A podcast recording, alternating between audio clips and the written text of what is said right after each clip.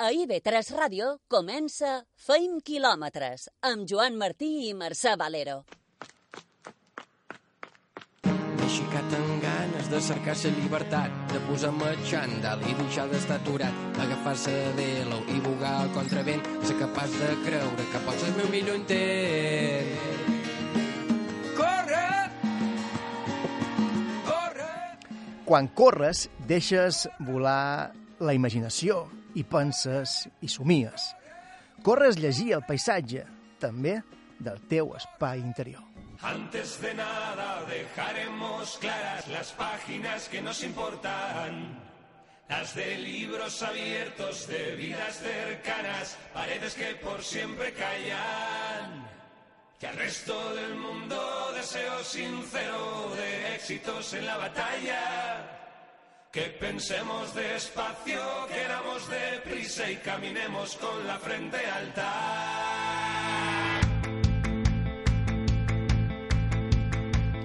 Correrem avui i reflexionarem a través de la lectura. Avui, especial Dia de Sant Jordi. Calma blanca, ropa de cama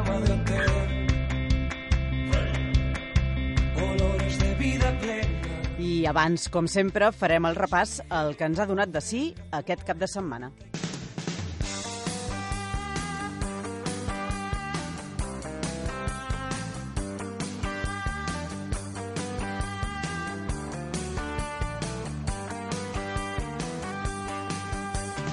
Èxit de l'equip Ferrer Hotels al Campionat d'Espanya de duatló. Campió per segon any del Campionat d'Espanya de duatló per relleus en la categoria masculina, un campionat celebrat a Sòria.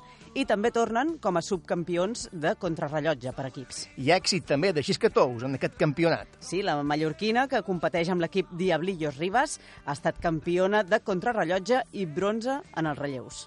I aquí Antoni Gran i Asma Zamú s'imposen a la cursa per muntanya dels Llogarets. Cursa circular que passa pels llogarets que formen part del terme de Santa Eugènia. Antoni Gran i Asma Zamú han estat els més ràpids en la distància dels 18, i 18 quilòmetres i 650 metres de desnivell positiu. És la cinquena prova de la Lliga de Mallorca. Joan Alcover i Aubert Dorian s'han imposat en la distància curta, la dels 8 quilòmetres. I Mavi Garcia pateix doble fractura de clavícula. Sí, ha estat a la Lieja-Baston-Lieja. La ciclista mallorquina de Movistar va patir una caiguda amb la mala sort de caure sobre la seva espatlla dreta. Va ser ja en el darrer tram dels 118 quilòmetres d'aquesta clàssica. Ja és mala sort. Desitjam una recuperació ràpida a Mavi Garcia.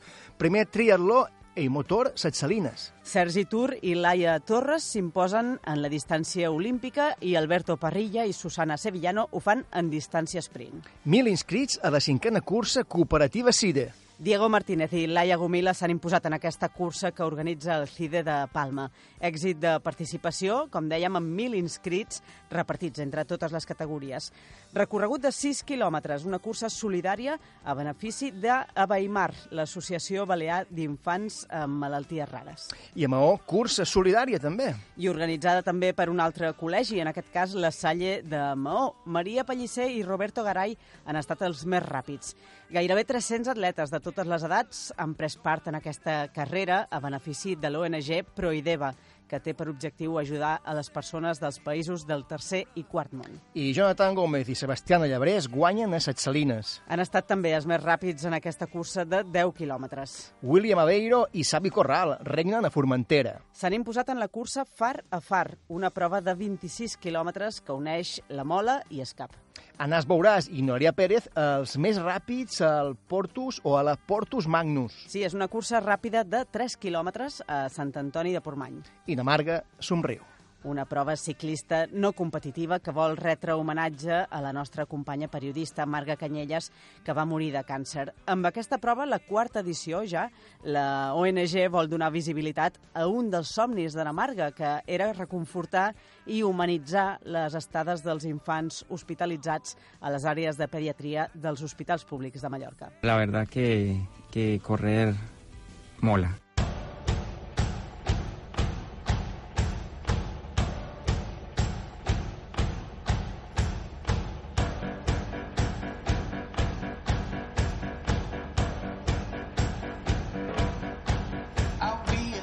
I a més de trobar-nos aquí, a IB3 Ràdio, també som a les xarxes socials. Sí, som a Facebook, a Twitter i a Instagram, també a la web feinquilometres.com, on hi penjam notícies i, i totes les entrevistes que fem aquí al programa, i també ens podeu trobar a Spotify, a la llista FKM, Feint Quilòmetres, on hi podreu escoltar tota aquesta bona música que sona en el programa.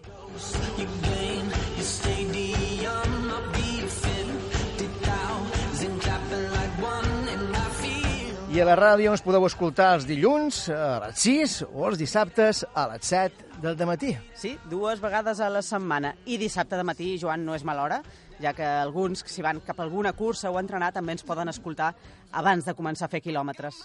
I cada vegada hi ha més gent, eh? Sí. Que et diu, quan vaig amb el cotxe... Què has sentit? Sí, sí, sí. Visca Feim Quilòmetres! Continua Feim Quilòmetres.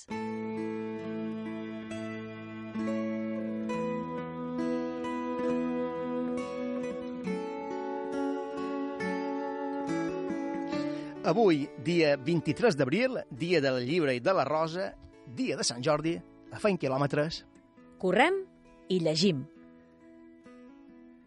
i ho fem amb una proposta que encaixa de ple amb la filosofia i el sentit d'aquest programa. Había corrido desde niño. Corría siempre que podía, sobresaliendo en la escuela.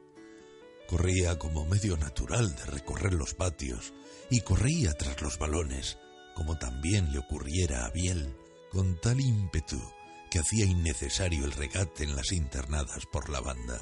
Supongo que de ahí vino que accediera mi padre a inscribirme a un club de atletismo cuando ya el fútbol de tediosa competición escolar perdió para mí interés.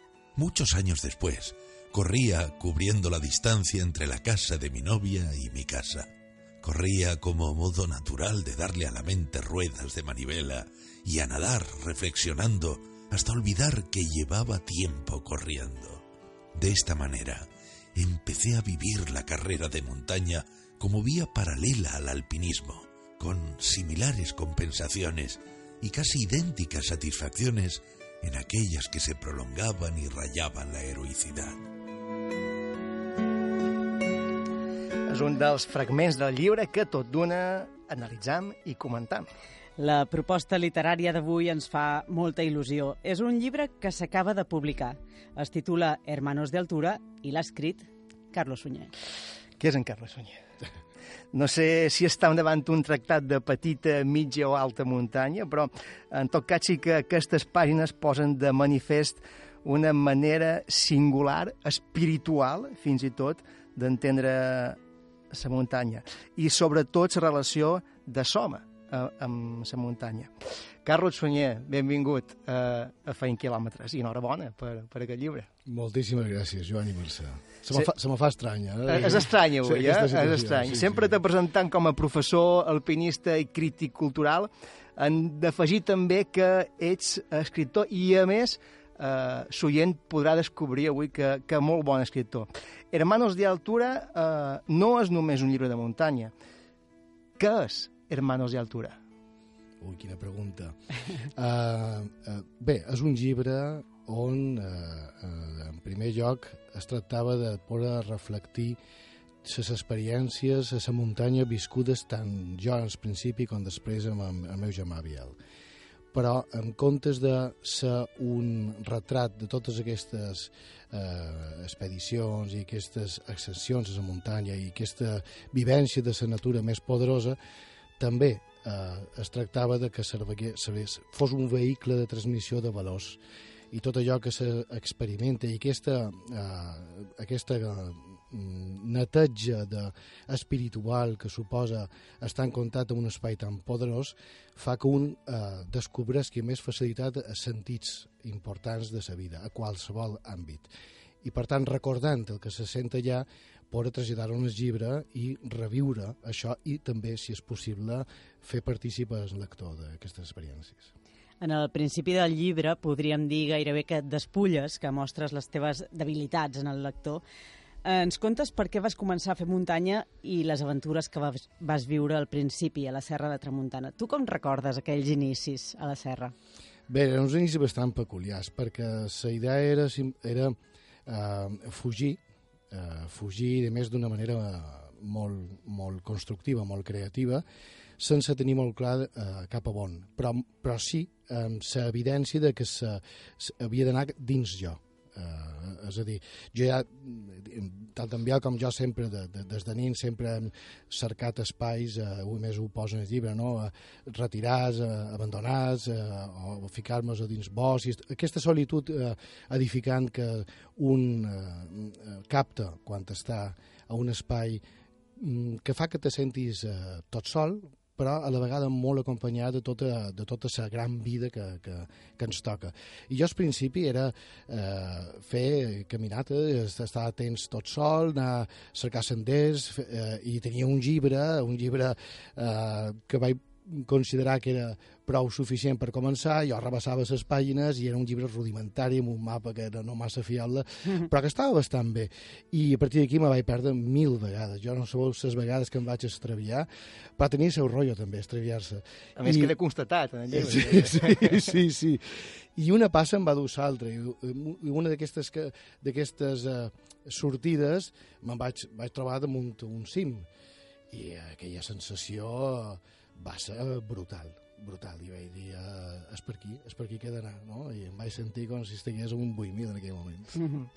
Ja des del principi relaciones les teves primeres passes per la Serra de Tramuntana amb dues disciplines que sempre han format part de la teva vida.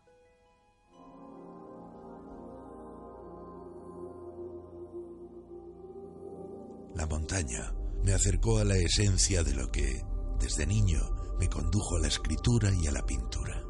Se reveló justo en el núcleo de lo que merecía ser vivido y deshizo todas las apariencias de existir según los órdenes establecidos hasta dejar en pura sangre el cuerpo. Y luego, ese vivir sintiéndose vivido me unió a mi hermano de modo que las prioridades ya no dependían más del mero instinto y todo lo que la vida devuelve cuando puede perderse estaba imperecedero en la mente. Así se sube entrando y se baja saliendo y se están de más los rastrojos de lo superfluo. Expandir los límites propios es darle al mundo una forma nueva y no hay cómo suplir eso. Descubre uno que están de más los domingos, los restaurantes, los televisores, los automóviles, las oficinas, las celebridades, los recelos, las cenas, las marcas, los gritos, las copas y los vestidos de noche. Una vez que circula sangre de verdad en un cuerpo, no se puede detener. Carlos, en aquest fragment hi és tot el llibre. Molt ben observat.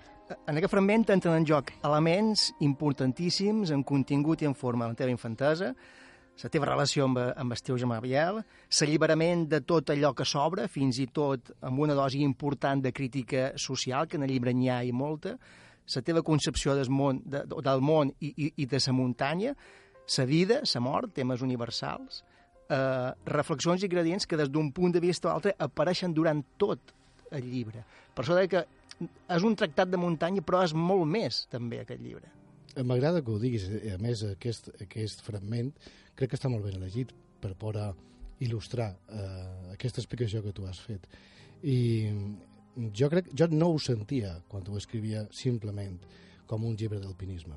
Per tant, crec que eh, sí és obvi que, que havia una, una intenció major i així com jo l'experimentava estic molt content de que es pugui, que es pugui captar d'aquesta manera no? perquè és traslladar aquesta força a altres persones i ja indiferentment de, de si és l'alpinisme és nucli, que òbviament té una, una importància capdalt, el que, el que fa, em fa molt feliç és que es pugui captar eh, aquesta profunditat de valors que estàu xerrant. Sí. I a més, en aquest fragment apareix també per primera vegada el teu germà Biel i l'altre gran protagonista també de, del llibre.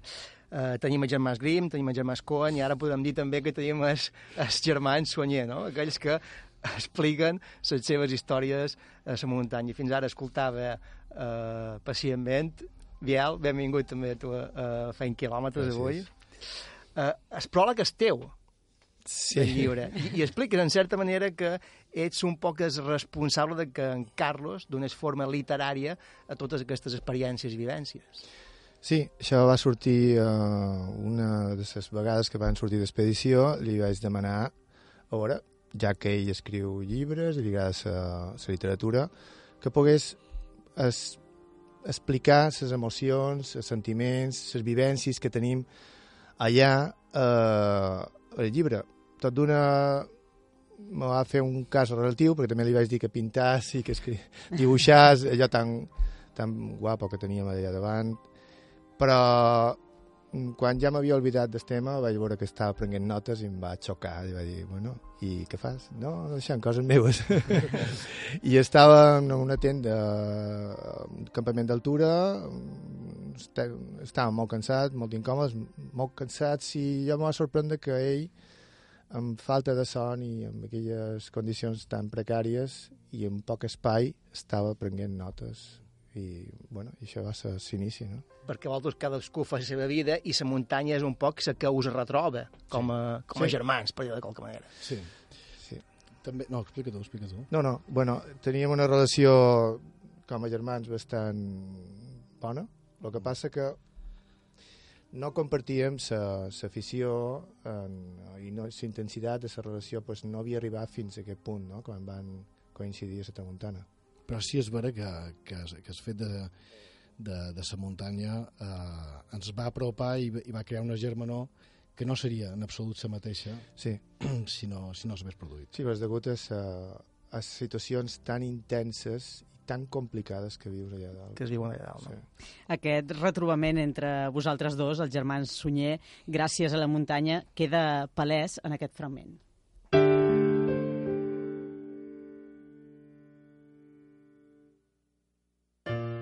Desde que quedó la infancia como de otra vida, éramos hermanos algo desconocidos. Los caminos que habíamos seguido no habían alejado demasiado, y entonces se reconocían pocos ángulos de complicidad, exceptuando el humor que alisaba las pocas reuniones en las que nos veíamos. Biel y yo, en realidad, apenas nos conocíamos, y en ambos permanecían ideas equivocadas con las que nos habíamos hecho a la vida por lados incluso opuestos. La vida, Biel, us havia duit per camins contraris o diferents, però en el fons creus que us semblau més del que pensàveu? Sí, és probable. Sí, les diferències que, que poguéssim creure que teníem pues no han estat tantes, sobretot en, en el que deia abans, que eh, estàs visquent unes situacions tan, tan extremes que o bé tens afinitat o, o cadascú ha d'agafar el camí separat. En aquest cas, Carlos, no és la quantitat de quilòmetres que fas a la muntanya, sinó la intensitat d'aquests quilòmetres. Correcte, correcte. A més, aquesta, aquesta intensitat fa que, que sigui d'una qualitat eh, eh, immensa i eh, el que se fa en un mes eh, eh, supera el que se faria en 10-20 anys sense, sense sentir aquesta connexió eh, visquent compartint situacions eh, més que, òbviament són extremes, però sobretot intenses. I, i intensi, la intensitat sempre és bona, perquè fins i tot quan hi ha problemes, eh, després deixa com a conseqüència una, una unió. I aquesta unió és, és, és, és a ferro, és a ferro. I, i de cada vegada funciona millor.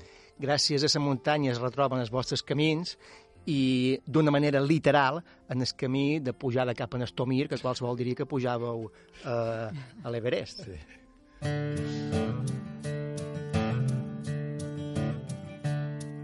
Como me fascinaba el Tomir, fuimos allá en un día frío y nublado. Que venía ya, Biel, con un montañero embrionario, era obvio, si no le pareció equivocado elegir un día sin sol. No dejamos de bromear, venciendo las primeras rampas. Si bien había que adaptarse al ritmo bajo con el que íbamos subiendo, yo seguía con indumentaria adecuada, pero él iba vestido con ropa que apenas serviría para pasear por parques públicos. Se abrigó lo mejor que pudo y continuó adelante, visiblemente admirado por la portentosa belleza que se le presentaba. Y la subida se fue convirtiendo en un bautismo tan memorable que Biel suele insistir en que aquel Tomir supera las mayores cimas de los Alpes en el impacto que produjo y entiendo bien qué quiere con ello decir. I què volia dir amb això, en, en Biel? Bueno, jo eh, sempre m'ha agradat pues, anar pues, eh, d'excursions així una mica eh, atípiques, no? I ell amb això se'n recorda, que agafàvem aquell R R5 i Oh, oh, sí. anàvem a, a recerca de, de cales verges, Eh, que sí. en quedaven poques ja a Mallorca. En, en nous horizontes. Que Sí, i després vaig descobrir que a Menorca hi eren, però a Mallorca no n'hi havia. I, bueno, mos complicava molt la vida. Llavors, però sí que pujar una muntanya no ho he fet mai. I ell me va dir que feia això. Van triar un mes de novembre, un fred bastant important. Aigua neufa, sí. I vaig trobar els primers neveros a dalt, jo no, no sabia que hi hagués neveros a, a Mallorca, i, uh, i a sobre, dalt de tot, pues, va començar a nevar i fer vent, i boira, eh, altres coses, no? I fred, i sí, molt sí, de fred. molt de fred. I em va xocar molt, era com estar en altre planeta. Per, aquest va ser un poc l'inici d'una cordada que ha estat inquebrantable després de, dels anys. un, un baptisme de foc, és que no pots imaginar la cara que tenia, perquè jo no sabia si m'havia d'acostar o distanciar, perquè dic, o està molt emprenyat, o, o està al·lucinant de tot el que està veient, no? Mm. I, I xerrava un poc, però jo notava aquest, aquest impacte que li estava produint i que me recordava en el meu. I, i és això d'estar de, de, de, d'estar com a, es, experimentant una aventura eh, a, a, a, a minuts de casa teva, no? I, i bé, ell encara ho diu, encara fent bromes eh, a la tenda, sí. de, que dic, hòstia, ha estat increïble avui la jornada, i em diu, no, no, no, com aquell Tomir, no... no, ha, no han fet cima a l'Ebret, sí, però com estou Sí, sí, lo més extrem. A Lenin Peak, sí, però com estou eh, Segur que si aconseguim arribar a, afrontar un, un, un 8.000, un potent de Cimàlia, segur que ho mollarà, segur. Quan arribem a cim dirà, no, no, tio, no. Uh, allà no se pot superar. I, I ho entenc, eh? Per una banda tenim aquesta relació com a germans i per altra tenim la relació amb la família, sobretot amb el pare.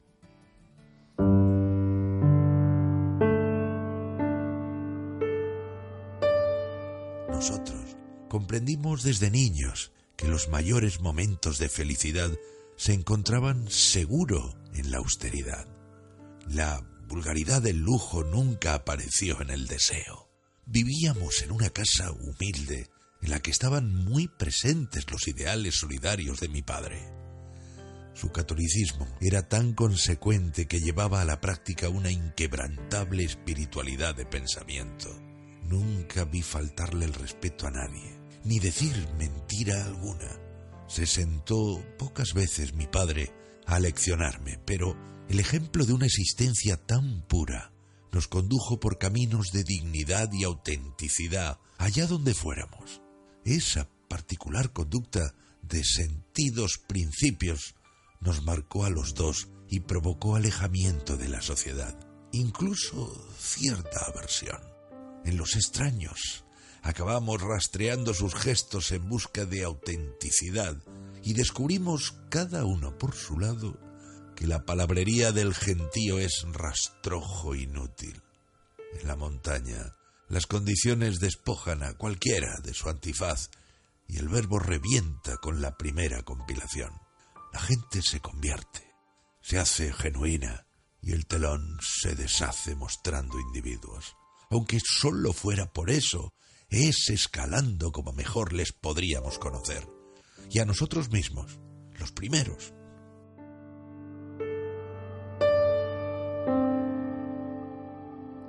Hi ha aquí, eh, Carlos, un clar homenatge eh, al vostre pare, en Joan, eh, que sense ser alpinista, la seva manera de veure el món ha influït després també en la vostra manera d'entendre la muntanya, gràcies a aquest prisma, no?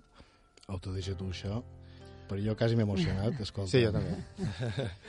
bueno, eh, mon pare era, tenia un esperit deportiu molt, molt alt i sempre ens va inculcar l'esport, de fet nosaltres eh, vam practicar el futbol, l'atletisme també, eh? i, i l'alpinisme pues, no deixa de que és un esport de risc, però no deixa de ser un esport on la eh, filosofia que me'l va traslladar el nostre pare pues, eh, és viva. I, de fet, ell celebrava bastant eh, les gestes que nosaltres podíem fer i mos demanava, eh, s'implicava bastant i, i això mos traslladava a nosaltres una, una, un reconfortament no? de saber que ell estava content que féssim això. Sí, perquè a més el seu, el seu, eh, la seva forma de viure, la seva filosofia, que és la honestitat mm. en què feia tot, eh, xerrant poc, perquè tampoc no, no era una persona que se sé a explicar-te, però el seu exemple, la seva forma de ser,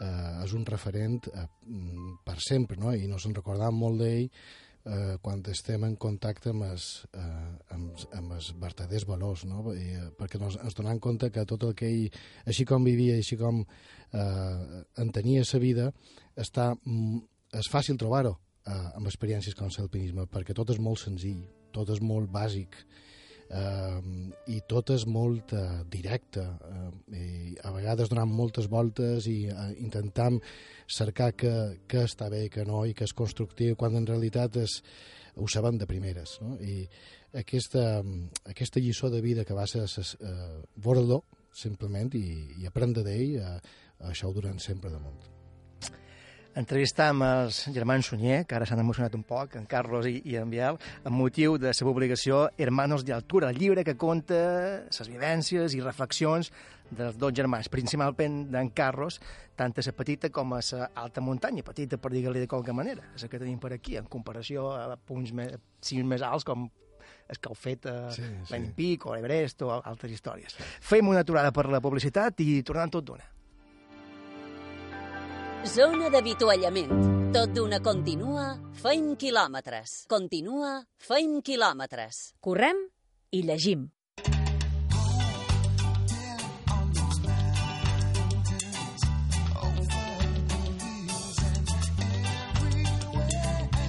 I ja tornem a ser aquí. Entrevistam avui els germans Biel i Carlos Sunyer en motiu de la publicació de Hermanos de Altura. Comentàvem al principi que el llibre recull a moda de reflexions algunes temàtiques tan universals com el pas del temps, el sentit de la vida i el sentit de la mort.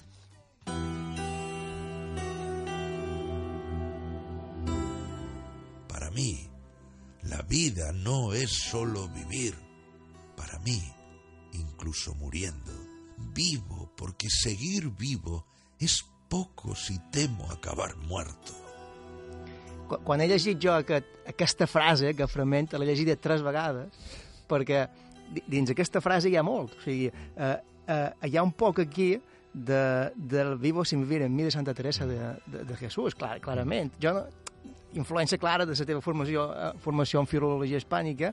Eh, has escrit molts de llibres, Carlos. Eh, aquest és el més que té de, de, de tu? Jo crec que sí, perquè, perquè els altres eh, no deixa de ser ficció, que també hi ha, eh, és una radiografia de l'autor sempre, però, però aquí eh, som jo realment qui parla, eh, són les meves experiències, són les meves emocions, són les emocions dels meus germans, eh, tot és molt directe, tant és així que, que s'escrivia a, no, a molta velocitat i, jo, jo crec que no vaig corregir res. I més, ja, ja, com diu en Bial amb un quadernat que després eh, vaig passar tal com estaven, és a dir, era molt visceral era molt pur, era, era molt directe i crec que eh, som jo 100% i, però no només jo eh, Carlos Sunyer, sinó jo ser humà, és a dir, tot el que passa a través de jo eh, diguem-li filosofia, diguem-li el que sigui, i que, i que, i que es veu amb molta nitidesa i, i, i així es va escriure. Aquesta al·lusió a Santa Teresa de Jesús ens serveix per entrar de ple en la temàtica de la mort, un tema que sempre apareix quan parlam d'escalada de, i d'alpinisme d'altura. Durant tot el llibre deixes clar el teu posicionament respecte a certes heroïcitats absurdes. Jo He tenido siempre la convicción de que no hay paso acertado si, por él, la caída supone perder la vida. Es de una estupidez colosal. Cuando es la vida en toda su dimensión lo que venimos a buscar en las montañas, atraer de esa manera la muerte. Eh, en aquest sentit coincidiu plenament també eh, com, acordada. No? no hi ha que, que valgui la pena si en ell eh, hi has de perdre la vida, perquè vol dir que no, que no hi pots tornar. Sou conscients també dels riscos que sa muntanya comporta, però així tot és intentar minimitzar sempre en el màxim. Sí. Tot i que hi ha vegades que no es poden minimitzar. Eh, Sí, eh, l'objectiu no, no ha estat cim, malgrat jo era algo que jo pecava al principi, que eh, volia sempre conquerir, jo sempre he estat molt competitiu en tot, en tot el que he fet, i si no arribava dalt, eh, pues per jo era una frustració. I vaig anar canviant, veient el que estava veient en els campaments d'altura, que pues, són uh, situacions trage- uh, tràgiques on, bueno, francament, veus que has de saber sopesar si tens un parte dolent no tirar per amunt perquè mm, te pot jugar algo més que uh, una torsura de turmell. Sí, de, totes maneres està bé el que dius, perquè sempre hi ha un factor que nosaltres tenim present, perquè no podem ser tan il·lusos de dir no, nosaltres no, no a tot una, veiem una complicació eh, donant mitja volta i per tant eh, estem sempre damunt la seguretat com a, com a prioritat perquè eh, l'alpinisme és una activitat que és de risc, clar que sí, però ha de ser un risc que jo no he vist això és molt important i a més eh, enviat amb això també m'afustigava molt perquè eh, ho té molt clar no? eh, això no està clar eh, i fins sí. que no estigui clar no passam i amb això som més impetuós després ell fa coses que dius Heu tingut enfrontaments per aquest fet. De Eh, fet, un hi, poc, hi, ha, sí. hi ha el tema d'espont ha que... hagut dialèctiques Eh, eh, sí. sí, que s'han allargat molt però totes ho han de veure clar Sí. I, i, i a, més, a vegades efectivament és així, un no veu clar i passa alguna cosa i diu, per algun motiu l'altre no ho veia, no? Mm. I jo, si, si, si es perill, su, es perill suposa passar una situació eh, mm, desagradable, ha de ser un perill que no hem vist. És que si no és, és absurd, és, és, és tan colossal la vida allà que és vida el que hem d'anar a cercar, res més. I tot això du a la següent reflexió. Cuento tres muertes posibles. La primera está en la zona de confort. La segunda es mi cadáver.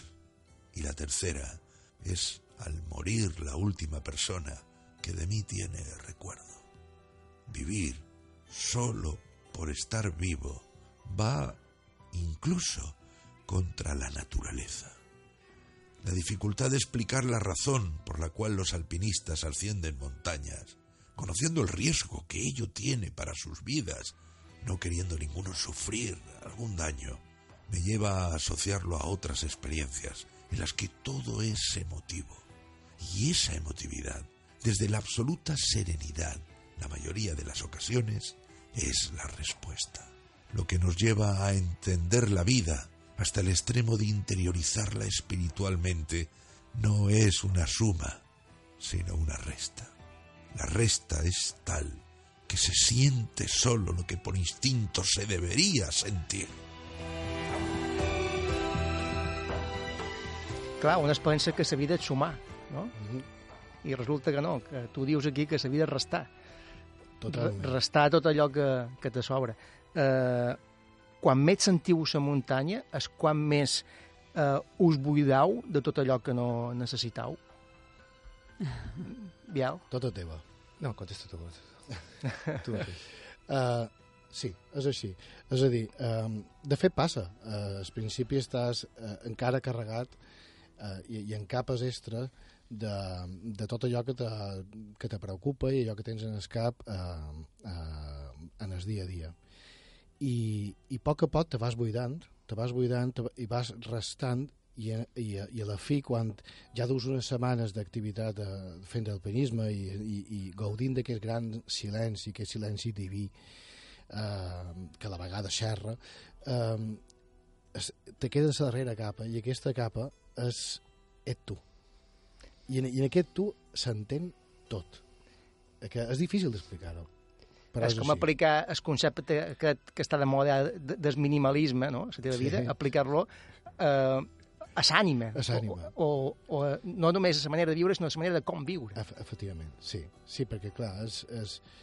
perquè eh, què entenem per ànima, perquè això ja és igual si, si, si recorrim a espectres religiosos o no, és que és igual, l'espiritualitat és, i és igual eh, quina nomenclatura elegim. I, i, eh, i sentir-la és eh, eliminar eh, factors eh, fins i tot corporals, és a dir, t'arribes a, a sortir del teu propi cos. I, és, i, i, i hi ha com una espècie de comunió amb, amb aquest entorn i també emocional, òbviament amb, amb en Biel, i, i, i al final es, es, eh, experimentes la eh, grandesa de la vida en, en, en un instant i, i aquest instant resulta que és etern i ho sents que és etern en aquell moment. Mm. Després l'has de recordar i intentar mantenir-ho quan tornes a la superfície, que no és tan fàcil. Una de les coses que més poses de manifest en aquest llibre, Hermanos de Altura, és la lleialtat d'una acordada. Qualsevol desavinença pot un desenllaç fatal. Ho veiem en un dels episodis dels Alps, durant l'ascens al Mont Blanc.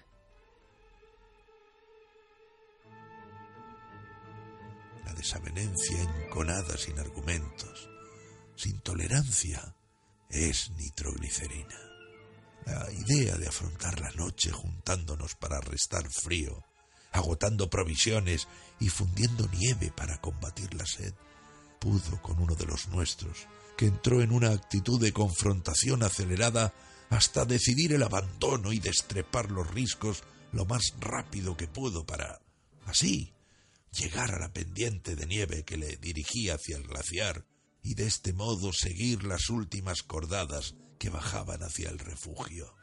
Ese gesto le supuso, en el reencuentro, dos jornadas después, una expulsión innegociable. De modo que quedó apartado para el plan de ascensión al Mont Blanc días después.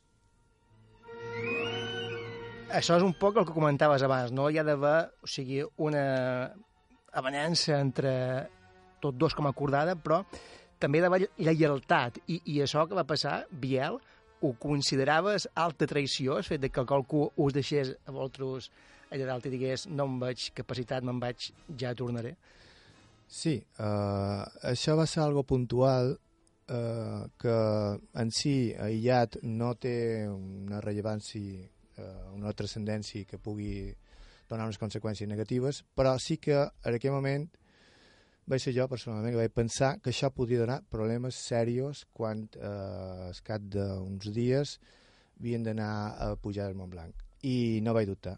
I eh, vaig, vaig guiar una mica per Sistint, vaig veure realment perill jo realment he vist perill en, en les persones que no es poden acompanyar a vegades i, i en aquest cas pues, ho vaig tenir clar, li vaig comunicar amb ell ho va entendre i va ser apartar d'aquella persona i amb ella el problema de fet, Edu Carlos te, te va cridar fins i tot eh, te va casar, causar sorpresa aquesta la manera en què mm. en Biel ho tenia tan clar. Em va semblar molt contundent moment, perquè vulguis o no hi ha una certa solidaritat perquè el joc és hostil i una persona eh, té por. Eh, i més, eh, si, si queda expulsada queda tota sola també. Òbviament el van acompanyar fins que baixar i després ja, eh, ja que fes el seu camí. Però clar, quan ho va fer eh, es va dur provisions, es va dur eh, material eh, imprescindible. És a dir, no és un joc que pot pensar eh, només en tu, de cap de les maneres. Ho pot fer, sí, però ja no pots continuar. No pots continuar perquè eh, mm, és el que dic en el llibre, qualsevol desobediència eh, no hi ha de ser allà i, i si l'has vista eh, ha de ser eliminada. Clar, jo en Bial, jo, clar, jo al·lucinava la manera contundent i a la, i a la vegada amable, perquè Després va voler xerrar amb ell, va fer, va fer, fer cafè, quin projecte estic... Aquell, I aquell al·lucinava, però després de tant de mesos, ara jo aquest, aquí, a un, a un poble de, dels Alps, eh, doncs sí, clar, clar que quedes aquí, perquè això eh, no, és, no són excursions, això, i li va explicar el motiu, perquè, i desitjant tot el millor per a ell, i un contacte posterior i tal. Però, clar, jo amb els temps... Eh, eh, amb el temps he anat eh, entenent aquesta contundència perquè, a més, és una manera fins i tot de, de, de, de respetar la persona que, que en aquell moment no està capaç, perquè pot ser que en el futur eh, tingui, una, tingui una forma d'actuar diferent. De fet, va ser, queda reflectit en el llibre que va ser tu, Biel, el que vas prendre o assumir aquesta decisió amb més fermesa. La extrema firmeza de Biel en esa decisión y su determinada voluntad de anular por completo la existencia de alguien que nos acompañó en la experiencia desde la misma planificación meses atrás, se prolongó hasta llegar al valle y despedirnos de aquel sentado sobre su petate, sin dar crédito a quedar al margen de un pueblo de montaña de los Alpes.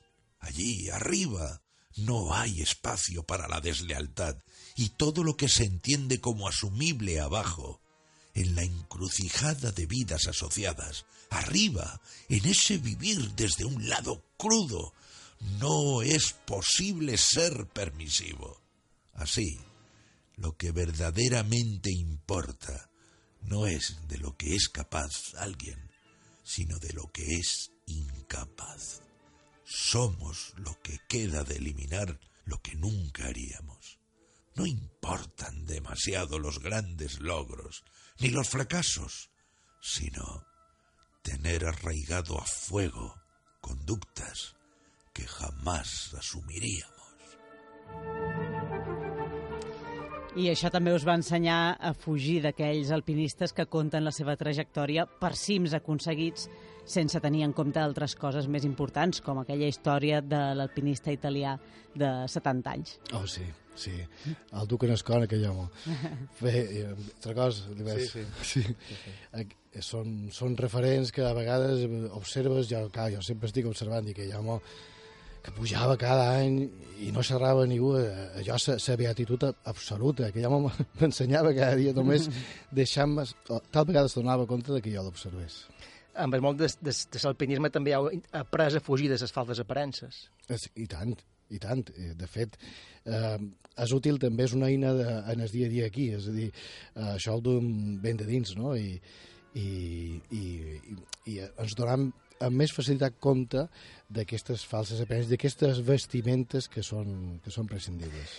La història de l'alpinista italià que de 70 anys que tu has iniciat però que no acabarem d'explicar ja. Si la voleu conèixer, la trobareu en el llibre Hermanos de Altura de Carlos Sunyer, publicat per l'editorial I Feel Book. On han fet un petit tas, però gaudireu més si, si el llegiu. Sí, i les aventures, a més, no s'acaben amb aquest llibre perquè esteu a punt d'iniciar un nou projecte. On, on anau? Biel, on anem? bueno, anem en fora. una mica en fora. Sortim una mica de l'alpinisme i entram a l'aventura extrema de l'Àrtic. Sona, sona, sí. sona potent, així. I, bueno, esperam tenir uh, bon, bon temps, intentam tenir controlat tot el tema de, d'esporteo i en l'assistència, que és inevitable, d'un tir uh, de cans huskies. I com teniu el tema dels ossos polars? uh, és, és curiós, perquè al principi el principal problema era, sí. era el fred extrem, les distàncies llarguíssimes, el gel caòtic, tot aquest, i tots aquests problemes inherents d'anar damunt una banquissa. I jo fins al, al principi m'ho agafava un poc a conya, i ja ens avisaven des de Noruega, des de Canadà, o, però on hem demanat permisos, anau per una àrea poc explorada i molt poblada d'ossos polars, no? I clar, això s'han de prendre mesures. I enviades quan és qui més se va ficar més se va documentar i va investigar i quan més sap, menys m'interessa que m'informi. Encara partireu. Jo crec que se, ens clar, perquè aquí, allà... aquí com minimitza el risc de que te vengui un os polar. Te pot venir a saludar, te pot venir a fer una carícia però, però bé, una carícia d'un os polar doncs, pot ser bé, a més, eh, pot a més ser, sona, sí. sona de migracions que van cercant també que si eh, on, on, on pot ells alimentar-se sí. i un tampoc té, té vocació de ser un àgap de, de, gratuït. uh, es pot minimitzar riscos, sí, no poden dormir, dormir a la vegada, han d'envoltar el campament de, de qualque uh, repel·lent elèctric, han de dur qualque bengala, és a dir, um, a veure, resultarà que, que ens tindrà ja en tensió però bé, jo crec que hi ha, hi ha, hi ha, uns components molt més complicats eh, d'aquest projecte d'intentar acostar-nos al pol nord magnètic. Eh? I el projecte quin era exactament d'on partiu?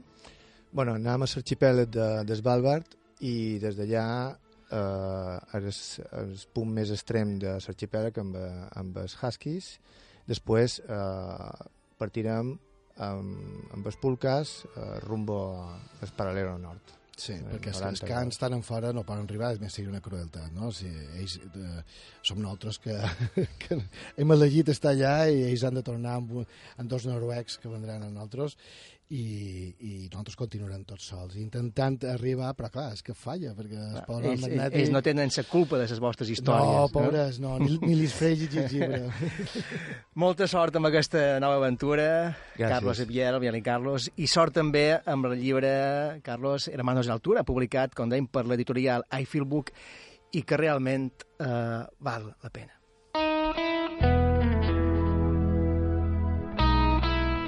La belleza no es siquiera de este planeta. Es belleza que escapa al verbo y se expande de golpe.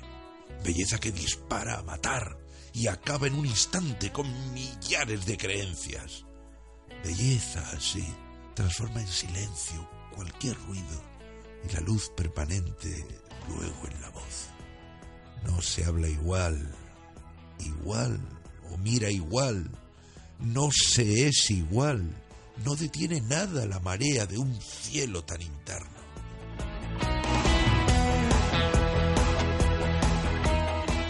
Biel, Carlos, moltes gràcies per estar avui aquí a Feint Quilòmetres i després d'aquest fragment crec que nada importa dir res més. Has, has sabut elegir bé els fragments eh, de cada part d'aquesta entrevista. Moltíssimes gràcies per, Gràcies a per convidar-nos. Fins una altra. I Carlos, t'esperam a tu aquí dilluns que ve. Jo no me queda altre que venir. Dilluns que ve faràs feina, però. I tant, i tant. Adéu. Adéu. Adéu. I fins aquí el programa especial Sant Jordi avui, eh? Sí, aquí correm i llegim, avui al costat d'aquests dos germans. I parlant de germans, avui volem acabar eh, amb aquesta cançó d'Avicii, mort aquest divendres passat amb només 28 anys. Una cançó que precisament parla de so, de germans. Adeu i fins la setmana que ve. Hey, sister, know the water's sweet, but blood is thicker. Oh, if the sky comes falling for you, there's nothing in this world I wouldn't